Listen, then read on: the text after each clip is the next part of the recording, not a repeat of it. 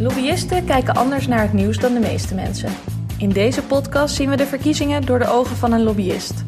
Geen podcast over peilingen of de guilty pleasures van Kaag en Klaver, maar een podcast over het spel van macht en invloed. We geven je een inkijkje in de lobbywereld, hoe lobby de verkiezingen beïnvloedt.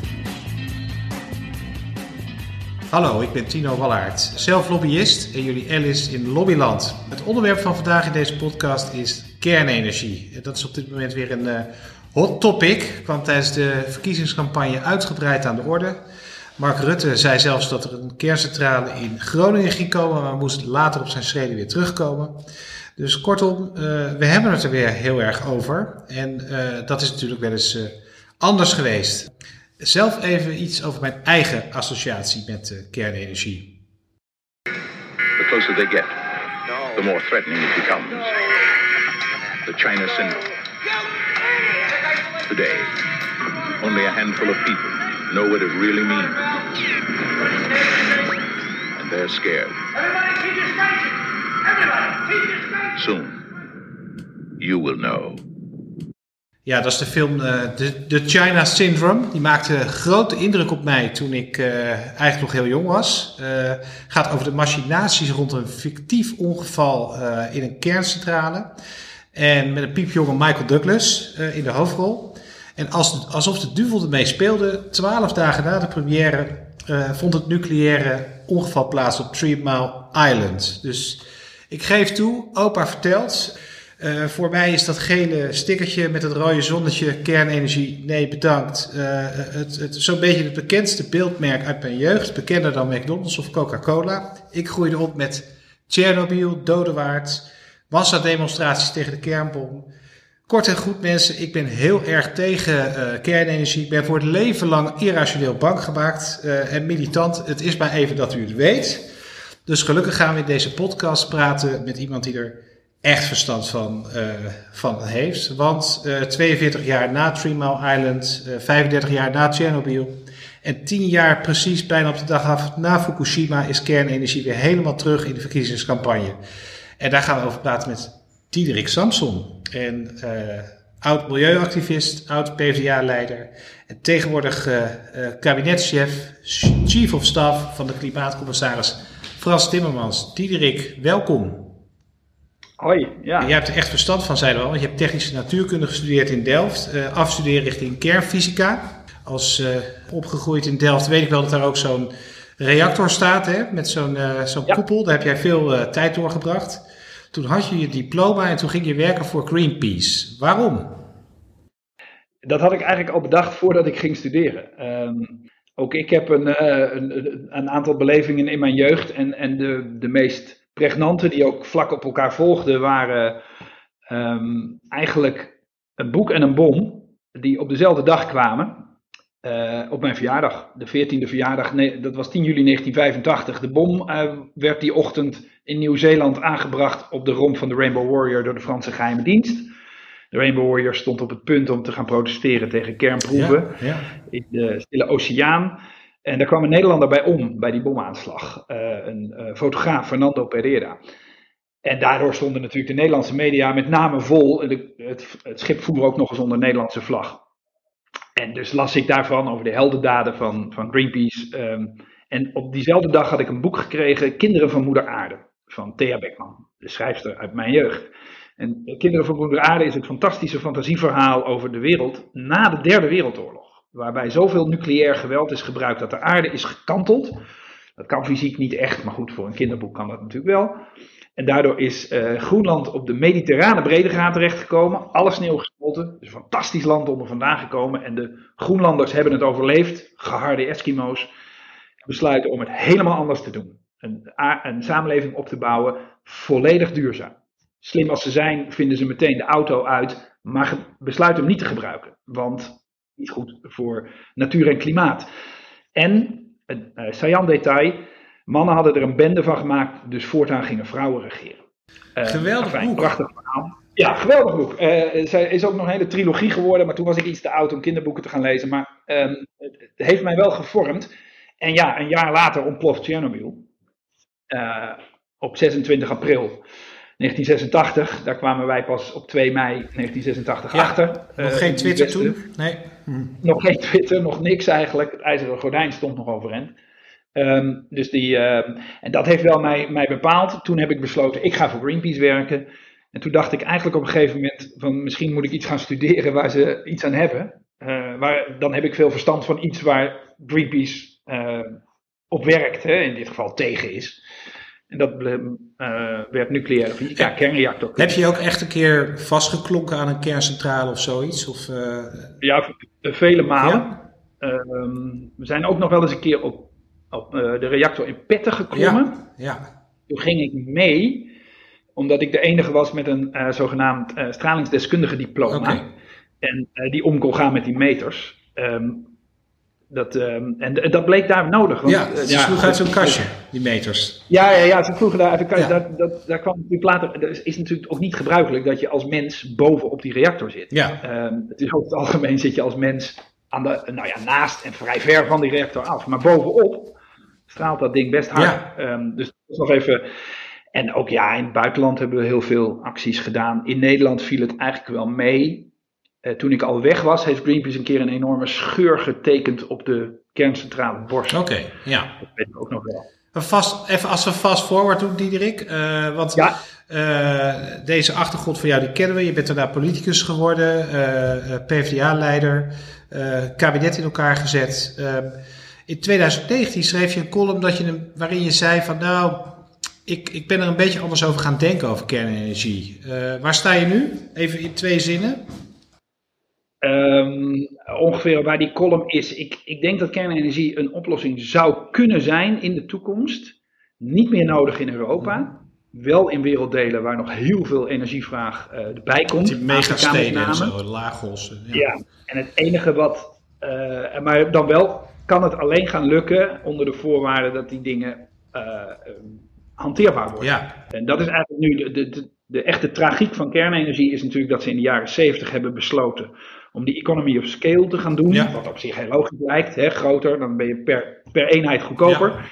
Ehm, hè, dat deed iedereen, dus ook kerncentrales. En daarmee zijn ze nu zo groot geworden dat ze onfinancierbaar zijn Ja. geworden. En in sommige gevallen zelfs onbouwbaar.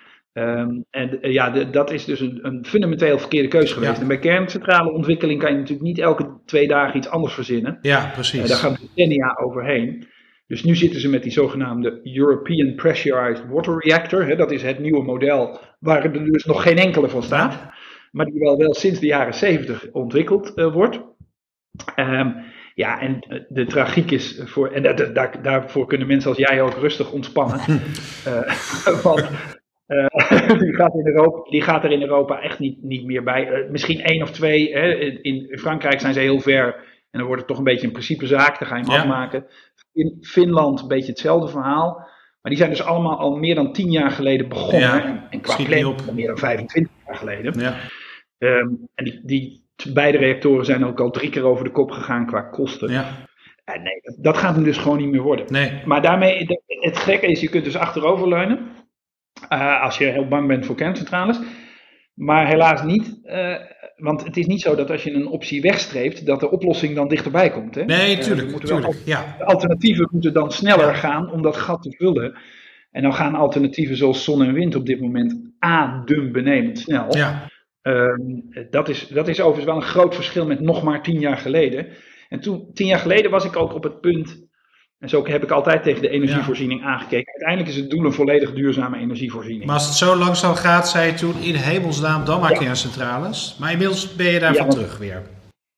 Nou ja, omdat tegen die tijd natuurlijk kerne, eh, kernenergie eigenlijk alleen maar langzamer is gegaan. En zon en wind feitelijk de, rol hebben, de, de kop hebben overgenomen. Ja, En windenergie en zonne-energie groeien nu veel sneller. Vroeger was het toch een beetje rekenmachines en daarna werden het caravans. Maar, maar veel werd het nooit met die zonnepanelen. nee, precies. Nu, nu, nu gaat het over gigawatt. Ja. En gaat het dus, wij bouwen in de, hè, die, die kerncentrale in Flamanville, die in Frankrijk, die dus al meer dan nou ja, 10 jaar in aanbouw is, al meer dan 15 jaar zelfs.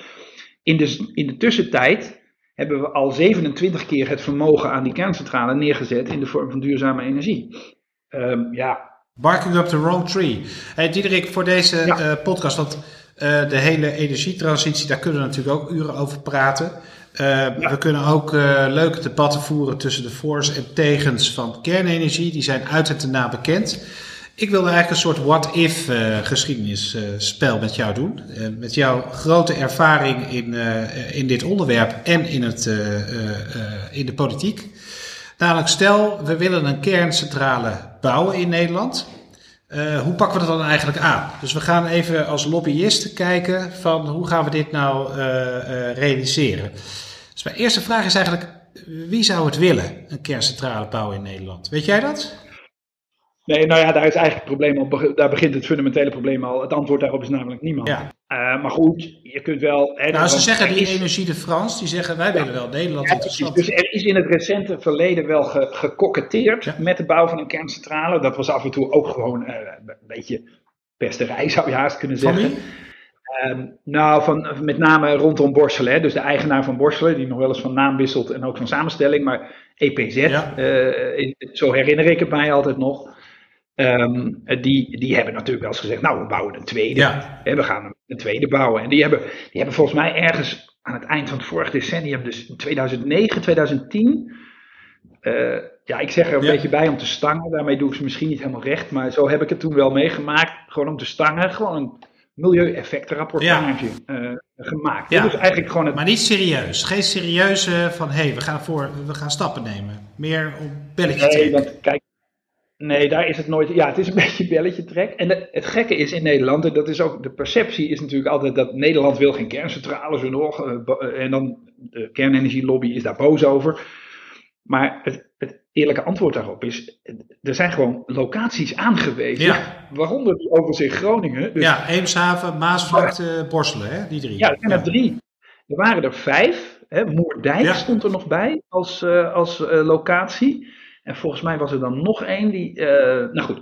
Maar er waren er vijf. Nou goed, die Moerdijk, daar kun je hem echt niet meer neerzetten. Nee. Tussen al die heftige chemische industrie. Um, en dat is ook best wel ver landinwaarts inmiddels. Uh, dus die, die, is geschrapt en die andere is ook. En dan heb je dus nog drie over. En die staan gewoon op de kaart. Ja. In, in, in, en dat bedoel ik, ja, ze staan sowieso op de kaart. Maar ook eh, als officieel aangewezen. Maar, als potentiële locatie. Die Frans van Energie de France, die zien dat natuurlijk ook. En hebben die dan gezegd, ja. hmm, de Maasvlakte, ja, die willen we. Denk je dat het oprecht is? Nee, kijk, er is eigenlijk maar één van die drie uh, locaties die natuurlijk uh, echt een beetje kwalificeert. En dat is degene waar er al in staat. Borselen. Uh, Borselen, want dan heb je de, ook de nucleaire infrastructuur. Ja. inclusief het feit dat de, dat de omgeving er al aan gewend is. Precies. Nou heb je, bij de Maasvlakte heb je geen omgeving, zou je haast ja. kunnen zeggen. Maar de Maasvlakte is eigenlijk inmiddels al volgeboekt. Ja. Uh, dus dat is wel lastig. En Eemshaven is ook afgeboekt door Mark Rutte persoonlijk? Ja, die heeft dus zelf ja. eigenhandig heeft hij de derde locatie opgeblazen door ja. hem te suggereren. Dus Zeeland gefeliciteerd. Jullie zijn Ja. de plek. Uh, uh, maar dan nog een tweede kerncentrale. Trouwens, Diederik, waarom een tweede? Waarom niet gelijk een stuk of zes daar neerzetten? Kan toch ook? Ja, dan, dan wordt het wel heel ingewikkeld om al die stromen land in te pompen. Kijk, eh, we zitten nog steeds met, dat, met die hele grote. Dus Nederland kan er hooguit maar eentje bij, zeg maar. Misschien twee. Ja, één erbij zetten. Ja. Daarna krijg je wel grote, zoals dat heet, inpassingsproblematiek. Eh, maar het zou in theorie overigens wel kunnen. Kijk, eh, wat, je, wat je voor een kerncentrale nodig hebt, is vooral koelwater. Ja, precies. Dat is wel vrij, nou, dat hebben we genoeg. cruciaal. Ja, daar wel. Ja. Ehm, alhoewel de koelwaterinlaat van Borselen nog wel, hè, er is natuurlijk wel eb en vloed Ja. daar. Ehm, en met heftige, met heftige eb eh, eh, loopt dat ding wel heel ver weg. Ja, ja. Eh, dus er is, nog wel eens een, er is nog wel eens een scenario gebouwd dat die koelwaterinlaat f- nou ja, niet meer functioneert. Precies. Ja. Ehm, dus dat is nog niet helemaal. Eigenlijk is de Maasvlakte dan de allerbeste plek voordat we Ja, vandaag een stuk de zee in. zee. Ja. Ja, dan heb je hem eigenlijk in zee gebouwd. Eemshaven is ook een beetje dodgy, omdat de verzilting en de verzanding daar wel heel groot is. Maar goed, ehm, dit is overigens het probleem van de meeste eh, Europese Franse kerncentrales, maar ook Duitse kerncentrales. Die staan allemaal langs rivieren. Ja. En die, die dingen, rivieren hebben de neiging om steeds meer in hoogte te verschillen, om ironisch genoeg eh, klimaatveranderingsredenen. ja. Ehm, en dan, De klimaatverandering nekt de kerncentrales. Ja, Ja. Eh, die waren al bedoeld tegen klimaat. Nou, Ja, oké. Eh, dus eh, wat ironische knoop. Maar in Frankrijk is het wel eens gebeurd dat de rivieren zo laag staan. En dan staan, vallen er ook meteen zes uit. Hè? Want, Ja. ja, één rivier, zes, er staan zo zes centrales langs. En dan heb je dus ook. Maar goed, misschien. eh, Nederland ligt laag. er komt door die Westerschelde natuurlijk superveel water uit. Het ligt vlak bij zee. Misschien hebben die Fransen juist wel gezegd: hé, hey, les Pays-Bas, daar moeten zijn. Nee, want kijk, uiteindelijk, en nogmaals, we zijn nog maar aan het begin. Dus de waarborglocatie is aangewezen, dat is mooi. Ehm, maar dat blijkt dus ook helemaal geen zekerheidje. Want zodra de, de minister-president niks anders doet dan vaststaand beleid sinds 1977 oplezen, op, bevestigen. Ja, op televisie, heeft hij opeens heel Groningen over zich heen. ja. Dat zullen ze ja. in Frankrijk ook gezien hebben. En toen gedacht hebben, nou, dat wordt dus niks. Het Werkt dat zo, denk je? Denk Ah, dat ze- een vrij cruciale factor bij kerncentrales is toch wel een beetje een stabiel publiek draagvlak. Omdat eh, alleen al de bouw overstijgt, de tijd van de bouw, laat staan de aanvraag en de vergunningsverlening, dat overstijgt drie kabinetsperiodes. ja, Dus je moet wel, je moet wel zeker weten dat er in Stabiel, stabiel positief eh, dra- Ja. politiek draagvlak is belangrijk. En Nederland is wat dat betreft, kijk, ehm, de A4 Midden-Delfland, weten we dat nog? Ja, kennen we. Ja, die heeft er 30 jaar over gedaan om echt te komen. En dat ging Ja. alleen over een weg. Ja. Eh, en, en dat had alles te maken met wisselende eh, politieke Maar omstandigheden. waarom zeggen die Fransen dat dan?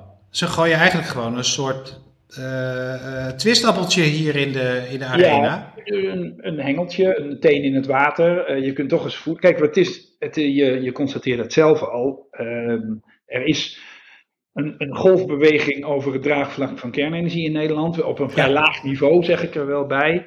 Beetje tussen Duitsland en Frankrijk in. Hè. Frankrijk ligt dat op een hoog niveau, draagvlak. In Duitsland ligt dat zeker sinds Fukushima, maar eigenlijk al eerder op een heel laag niveau.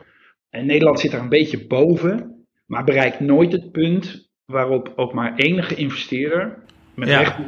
en met enige zekerheid zal zeggen: als ik daar nu binnenloop met mijn plan, dan, dan kan ik ook echt. Kijk, zo'n milieueffectrapportage maken kost natuurlijk, geen, kost natuurlijk niets. Nee, Maar op een gegeven moment ga je echt serieus geld spenderen. Ja. dan moet je toch wel weten dat je de finishlijn kan halen of enige vertrouwen hebben daarin. ja. Dus, dus die, die bedrijven, of dat nou Fransen zijn, of het hoeven natuurlijk ook geen Fransen te zijn, hè, want kunnen we ook nog kerncentrale powers uit. Nou, vroeger, kijk, vroeger deed Siemens er nog in. Eh, Ja, de Duitsers. Dat, dat ding van Borselen is ook van Siemens oorspronkelijk gebouwd. Maar die zijn helemaal tegen nu, hè? Die zijn er helemaal mee gestopt, die zijn er uitgestapt. Eh, dat, dat gaat nu in rap tempo. Dus je hebt er eigenlijk nog maar een paar over. Ehm, en je bent dus al heel snel bij de Russen en de Chinezen. Ehm, Rosneft, eh, eh, dat soort dingen. Ehm, Ja. eh, je hebt ook nog wel een paar Koreanen. Zouden die kijken naar Nederland of zouden die zeggen, tje, daar beginnen we niet aan? Nee, die kijken hoogst naar Oost-Europa. Ook, ook daar zit een politiek, geopolitiek spel achter. Ja, Ehm, de Chinezen kijken natuurlijk naar de Westerse Balkan. Hè, dat is ook Oost-Europa overigens, maar geen lid van de EU nog. voor een, groot deel. Ehm, dat zijn de, daar, daar wordt wel geprikt en geduwd. Turkije. Ja. daar. Ehm, hey, en Brussel, want jullie zijn met die Green New Deal bezig, maar kernenergie is een beetje eh, don't mention the war, toch? Nou, daar zijn, nou, ja, maar er is, is gelukkig ook een, een echte reden. En nogmaals, ik zei al, het is niet nodig. Wij bouwen al onze scenario's op een klimaatneutraal Europa voor 2050. En daarin wordt het steeds eenvoudiger. Dat is relatief, want het blijft een hele grote opgave. Maar goed, het, eh, kernenergie is niet nodig. En vindt Frankrijk dat dan niet balen? Zitten die dan niet Nee. bij jou van... eh Nou, nou precies. wij- allee, allee, Diederik, kerncentrales, kom op. Er zijn wel institutionele redenen, ook om er met een grote boog omheen te lopen. En dat is, Europa is het er gewoon niet over eens met zichzelf. Ja, En, Ja. al- en dat is zelfs zo hoog opgelopen dat, dat Brussel ook niks mag vinden van kernenergie. Dat is institutioneel grondwettelijk, ja, is dat aan de lidstaten eh, gelaten. Oké. En, en elke keer als ik dus in, eh, in, een, in de council zit, hè, waar alle lidstaten bij elkaar zitten en iemand noemt het woord kernenergie, dan gaan alle Pavlov-reactieknoppen aan. En dan beginnen die Fransen dus bijna de, de Marseillaise te zingen. Ja. Maar de, eh, aangemoedigd en uh, ondersteund door de Tsjechen, die ook Ja. goed fanatiek voor kernenergie zijn. Mhm. Een beetje afhankelijk van, van de sfeer van de dag doen de Hongaren dan ook nog wel mee in de Polen. Ja, Maar daar aan de andere kant zitten dan de Oostenrijkers en de, en de Luxemburgers en nog een paar landen die moordicus tegen zijn. eh, ook Zuid, in Zuid-Europa. En dat is dus heel opvallend. Daar, want in Nederland heb je nog iets van, nou, de VVD is, is voor en, en uh, GroenLinks is tegen. En dan heb je zo, Ja. daartussenin uh, wiebelt het wat. In Oostenrijk is het unisono, van links tot rechts. Ook die, eh, rechts, die, die Oostenrijkse volkspartijen en zo, die zijn ook allemaal tegen. Ja, Bizar. en eh, Luxemburg, hetzelfde verhaal. Eh, terwijl in Frankrijk eh, en ook in Tsjechië van links tot rechts in ieder geval voor kernenergie. Nou neemt dat in Frankrijk wel re- re- redelijk snel af. Ja, De voorstanders van kernenergie, of snel, goed, het begon heel hoog, dus ze zitten nog wel op een meerderheid. Maar goed, dat is het politieke draagvlak. En Brussel, Brussel ja, brandt zijn handen er niet aan, zou je kunnen zeggen. I love these Brussels politics, heel fijn. Eh, dan gaan we even, nu zijn we het kabinet Rutte 4, eh Diederik. Jij bent minister van Economische Zaken en eh, Klimaat en Kerncentrales. Ja. Eh, en hoera, in het regeerakkoord staat Nederland gaat voor een tweede kerncentrale in Borselen. Ja, Jij wordt geïnstalleerd op het bordes. Ja. Eh, daarna ga je naar eh, de Bezuidenhoutse weg. Eh, als dat niet verbouwd wordt, ga je daar in je werkkamer zitten. Wat is het eerste dat je moet doen? nou, ik moet in ieder geval eh, opschieten, want eh, de minister van EZK zit er maar voor twee jaar in het nieuwe kabinet. Omdat hij dan aftreedt vanwege de enquête over Groningen. Ja, Ehm, dus dat is al. dus twee jaar, oké. Nou, stap kort- 1. Deze minister heeft los van hoe lang het kabinet zit een vrij korte horizon eh, eh, te gaan. Dus je moet opschieten. Nee, kijk, het eerste is natuurlijk, eh, stel, hè, we moeten, ehm, eh, we nemen ons ferm voor, het kabinet neemt zich ferm voor om er een te gaan realiseren. Yes. Ja, dat is dus, nou goed, het enige wat je dan kan doen als eerste is, is dat laten weten aan de wereld en een soort uitnodiging uitsturen om dat belletje trekken een keer te gaan omzetten in eh, echte handelen. Ja. Dan denk ik wel dat... eh, Moet je geld op tafel leggen als Ja, ja, Nederlandse regering? Ja, ik zou daar niet mee beginnen, want dan word je leeggetrokken. Maar je moet wel laten weten dat dat, dat een optie is. Dat zie je overal. Hè? Ehm, Ja, ja. Het belangrijkste is eigenlijk. Want Rutte zat daar een beetje naast. eh, want die had het wel over. Hè? We moeten dat dan garanderen en zo. En dan noemde hij het, het potje met geld wat je nodig hebt om de centrale later af, Af te te breken. De dat heet de zogenaamde financiële zekerheidsstelling. Die staat gewoon in de wet vastgelegd. Ja. Elke exploitant moet die neerleggen. Maar dat is niet de issue. Het echte, het echte onderwerp is, je moet als regering dan bereid zijn om een koopcontract voor de stroom te tekenen voor de komende 30 jaar voor een vaste prijs. Ja, ja. En, en dat, is, dat is dus ook wat in Frankrijk en nu ook in Engeland gaande is. Eh, Engeland bouwt ook nog steeds aan een reactor, die komt er overigens nooit, maar goed. Die zijn er wel serieus eh, Ja. mee begonnen, dus die waren een fasetje verder dan wat we nu hier Maar hoe kun je als lidstaat eh, dan stroom kopen? Kan dat zomaar? Ja, ja, dat kun je doen. Dan, dan, hè, wij, wij hebben dat natuurlijk jarenlang met wind ook gedaan. Hè? Dus je, Ja. je, de SDE-regeling voor. Dan ga je eigenlijk een SDE-regeling voor kernenergie maken. En dan zeg Ja. je, wat er ook gebeurt, je krijgt 10 cent per kilowattuur.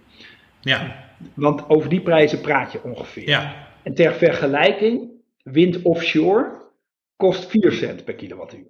Dus, wij Precies. gaan, dus je, je praat al over 2,5 keer zoveel per kilowattuur.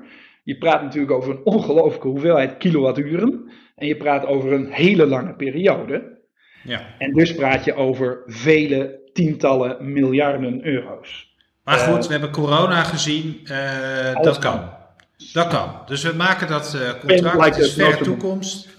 En dan zien we dan wel weer verder. Ja, je maakt dan een Power Purchase Agreement, zoals dat heet, een PPA. Eh, en die sluit je dan, die kun je, voor wel, die kun je altijd vaststellen voor, voor elke periode, mag je zelf bedenken. Nou, nogmaals, je neemt dan een beetje het Engelse voorbeeld.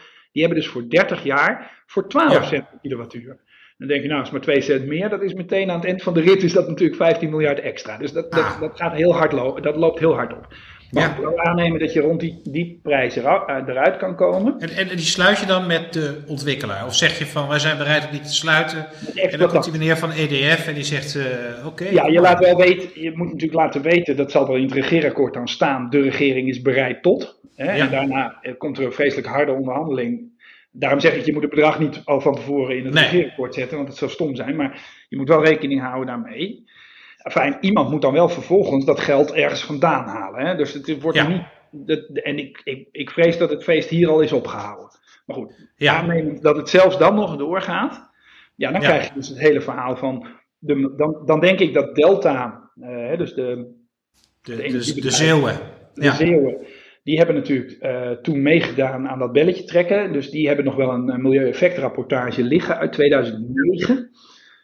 En die moet je dan uh, updaten. En dan moet, je dus, dan moet je dus een vergunning gaan aanvragen voor de bouw van zo'n centrale. Precies. Ehm, nou, ik geef het je te doen. Ehm, Hoe lang duurt dat? Ja, kijk. Ja, dat is een beetje... Optimistisch. We hebben twee jaar voor, de, voor het aftreden. Ja, nee, dat haal je dus nooit. Nee, in het meest gierend optimistische scenario doet, duurt zoiets een jaar of vier, vijf.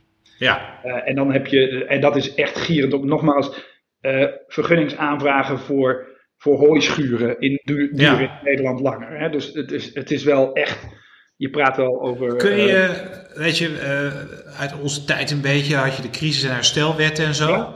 Ja. Zoiets kun je toch ook bedenken? Dan voer je dat in van hup, snelle procedure, want we ja. willen allemaal klimaatverandering belangrijk. Nou ja, goed. Kijk, als iedereen erom loopt te gillen, dan zou het natuurlijk iets sneller kunnen gaan. Uh, en dat, dat gaat dan inderdaad onder de zogenaamde Rijkscoördinatieregeling, wat een Ja. kindje is van de crisis- en herstelwet.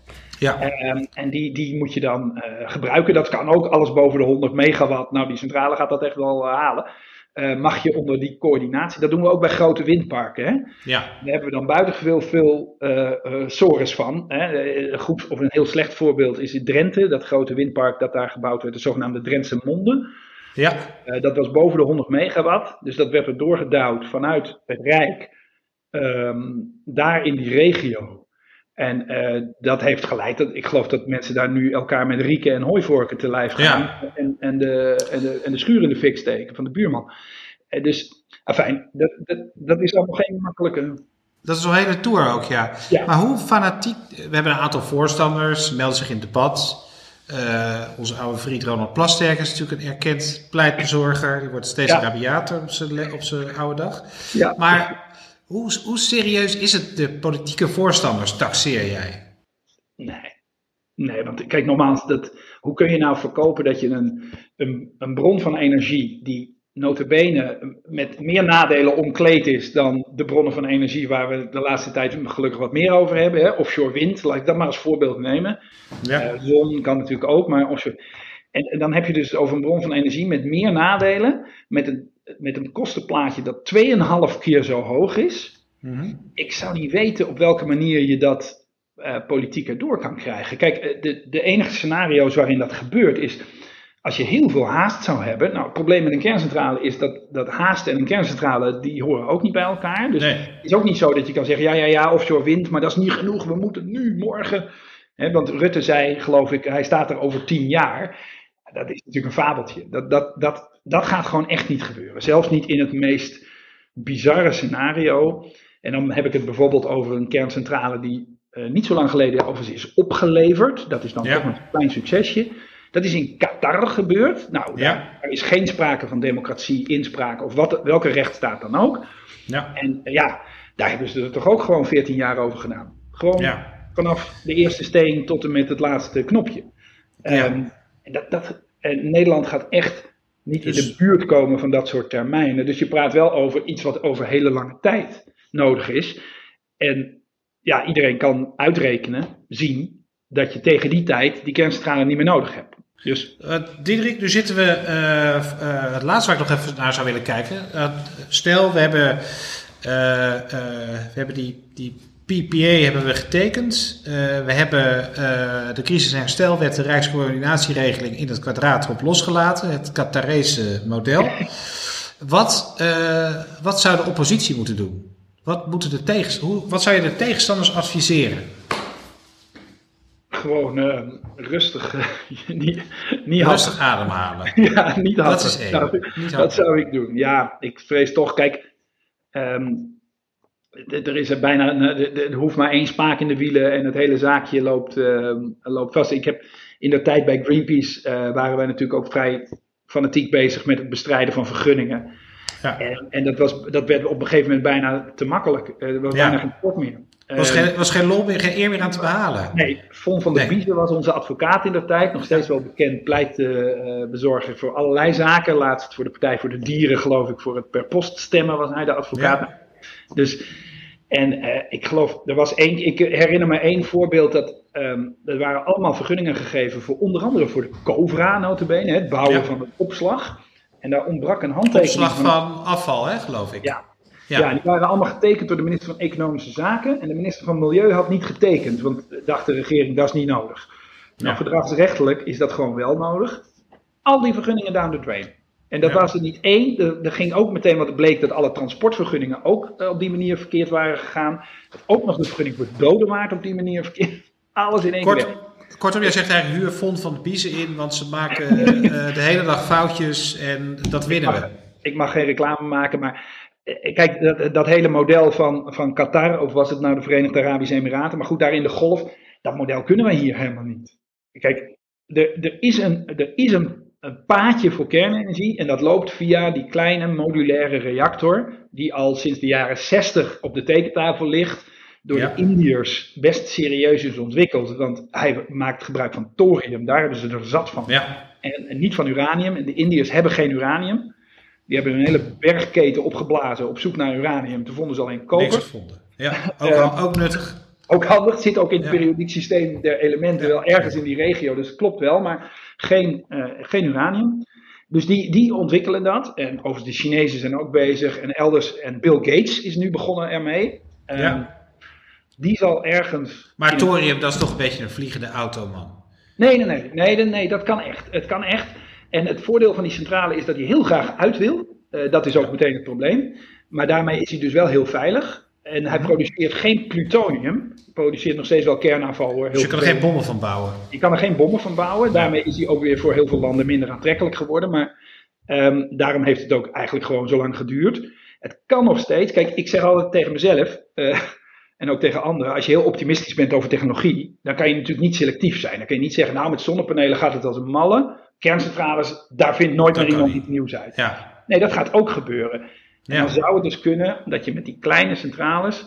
Maar dat is dus pas vanaf 2040. ja. Als En kunnen we daar in Nederland dan wat mee?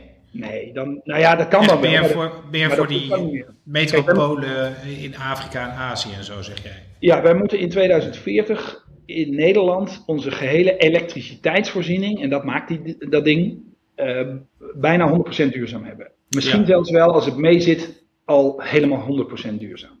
Draaiend op. Want dat wordt vaak aangegeven, niet onterecht. Wind en zon zijn stromingsbronnen, die gaan aan en Ja. uit op het moment dat je dat niet wil. Ja, Je met- hebt ook die basislast nodig, zoals dat heet. Nou, mooi voor een kerncentrale. ja. Het vervelende aan een kerncentrale is dat die dan weer zo inflexibel is, dat die kan je eigenlijk niet uitzetten. Dus die past eigenlijk helemaal niet in het Nederlandse model, want wij draaien op gascentrales die heel snel aan en uit kunnen. Als er dan heel veel Ja. zon en wind is, dan zet je die gascentrale snel wat lager. Dan blaas je mooi al die zon en wind het, het, het systeem. ja. Bij een kerncentrale kan dat niet. En moet je dus die zon en wind gaan uitzetten. Dan ben je dus twee Ja. keer Ja. slechter, slechter af, want je hebt dure, slechte stroom. En de mooie schone stroom, de goedkope schone stroom zet je uit. Die, die kan je niet op het net zetten. Ja, Nee, dus, dus eh, dat, werkt, dat werkt gewoon heel slecht. Wij hebben betere modellen tot onze beschikking. Dus nogmaals, je kunt, als je eh, alleen naar Nederland kijkt, opgelucht ademhalen. Ik denk wel dat in de tweede helft van de eeuw die, die kleine kerncentrales een rol gaan spelen.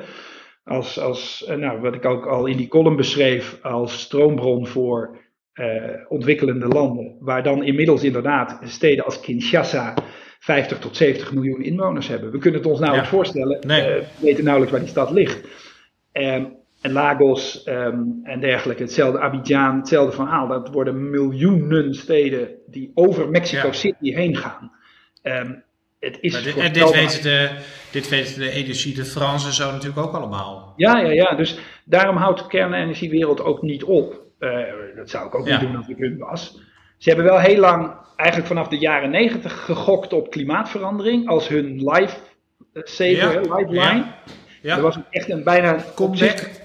Opzichtige, een opzichtige strategie om de adem in te houden, net zolang totdat klimaatverandering eindelijk eens een keertje urgentie ging, ging brengen. Dus in een soort merkwaardig monsterverbond vond je soms de kernenergiewereld aan je zijde als je de urgentie van klimaatverandering wilde verhogen. Ehm, maar het is eigenlijk niet gelukt. Of althans, iets anders is beter gelukt. Namelijk eh, duurzame energiebronnen ontwikkelen. Top. Nou, als eh diehard eh, tegenstander, eh, irrationeel, emotioneel, kind van Tsjernobyl, ben ik helemaal gerustgesteld door dit verhaal, Diederik. Maar sowieso interessant om te zien, dat we zullen er nog niet van af zijn. Dat is duidelijk. Nee, en zolang, kijk, dat is hetzelfde als gas onder de Waddenzee. Zolang je het niet wint, begint er altijd iemand over, zullen we het eens een keer gaan winnen. Ja. Uh, dat, dat zullen we dat gas eens een keer uithouden. Dus die discussie is nooit weg. Hetzelfde geldt voor een kerncentrale. Zolang je er geen bouwt, zal er altijd iemand komen die zegt, laat me er eens een bouwen. En ik geef je op een briefje, want jij zei het debat leidt weer op. Je kunt gewoon de klok erop gelijk zetten. Zo'n maand of twee voor de volgende verkiezingen leidt het debat weer op. Oké, we gaan zien wat dan weer uh, de aanleiding is. Uh, hartstikke bedankt uh, voor dit gesprek, Diederik. Ja. En heel veel succes met de nieuwe Green Deal. Dit was Lobby Elections, een podcast over het spel van macht en invloed. Deze podcast is mogelijk gemaakt door Wallard en Kussen Public Affairs. Verder op de hoogte blijven van onze analyses en lobbyactiviteiten? Volg ons dan op Twitter, Instagram of LinkedIn. En luister natuurlijk over twee weken onze nieuwe podcast.